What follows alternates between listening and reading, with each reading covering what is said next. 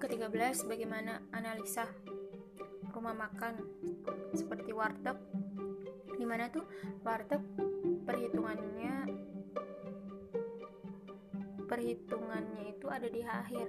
Maksudnya bayarnya di akhir gitu.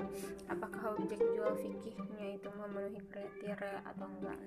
Jadi dalam jual beli makanan eh, terdapat sesuatu yang kurang transparansi karena rumah makan kan eh, menjual makanan dengan cara tidak menyantumkan harga makanan wartegnya itu yang dijual ya. Nah jadi jual beli tersebut tuh dapat dikatakan mengandung unsur penyamaran atau enggak atau ketidakjelasan. Jadi padahal dalam transaksi jual beli diharuskan adanya transparansi harga sehingga pembeli mengetahui harga barang yang akan hendak dibelinya.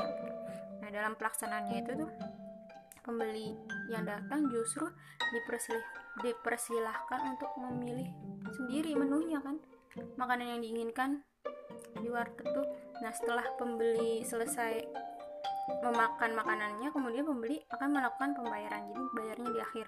Nah dalam hal ini bisa saja pembeli merasa kecewa atau merasa dirugikan pada saat mengetahui harga yang harus dibayarkan ternyata jauh lebih mahal dari harga yang diperkirakan sebelumnya oleh pembeli. Nah, karena kan sebelumnya itu tidak ada pencantuman harga pada setiap jenis makanan yang dijual gitu. Nah, sehingga dalam jual beli tersebut tidak ada transparansi harga. harga. Padahal dalam pasal 29 KHES dijelaskan bahwa akad yang sah sebagaimana dimaksudkan dalam pasal 26 huruf A adalah unsur akad yang disepakati dalam perjanjian tidak mengandung unsur goror atau khilaf. Dilakukan di bawah ikhrah atau paksaan tahrir atau tipuan dan gubun atau penyamaran. Jadi jika dalam pelaksanakan jual beli tersebut tidak tercapai unsur saling rela atau suka sama suka gitu karena tidak adanya transparansi harga kan.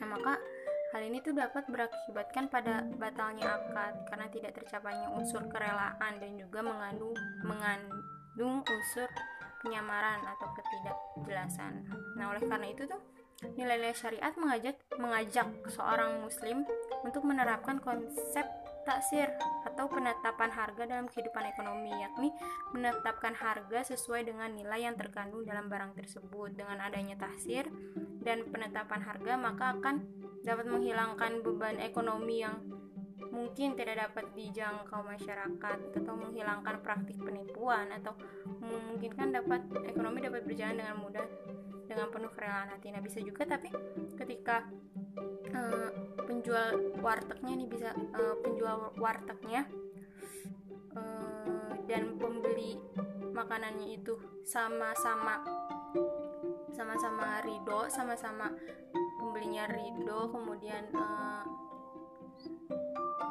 dia menerima semua uh, ketentuan harga yang akan dia dapatkan ya gak apa-apa karena kan di, di situ uh, letak kerelaan Thank you.